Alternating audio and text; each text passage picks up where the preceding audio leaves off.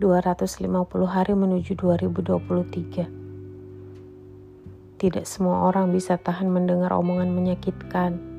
Tidak semua orang bisa betah menghadapi hujatan. Tidak semua orang bisa bersikap bodoh amat ketika ada omongan yang menjatuhkan mimpinya.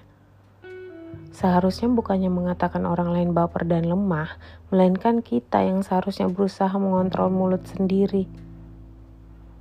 Ada luka yang gak bisa ditunjukkan, ada something yang sulit dijelaskan. Kadang suka berpikir ikhlas itu omong kosong. Faktanya ya emang kecewa dulu, kemudian terpaksa terus terbiasa. Memaafkan sudah pasti. Yang sulit adalah menghapus kejadiannya dan menghilangkan luka tersebut. Aku pernah mendengar kata-kata seperti ini.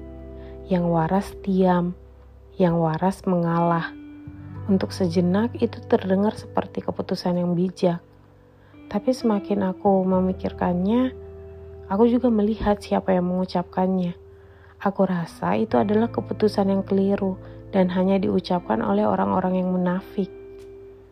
Ya, rasanya terdengar kasar, tapi itulah kenyataannya.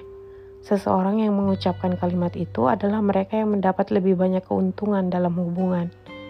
Ia tidak ingin merusak hubungannya dengan orang yang dikategorikannya tidak waras itu.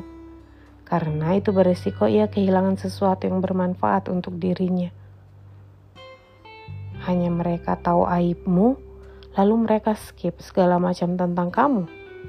Bersyukur saja, kan kamu hidup di antara manusia. Kalau hidup sama kucing ya paling resikonya cuma dicakar. Manusia ya gitu, kalau nggak tutur kata ya sikapnya yang menyakitkan. Belum lagi yang pintar acting di depan, tapi ujung tombaknya udah di belakang punggungmu. Tugasmu kan fokus memperbaiki dirimu, bukan sibuk menunjukkan ke mereka seberapa besar tangismu kepada Tuhanmu. Kalian bukan antara murid dan guru kan?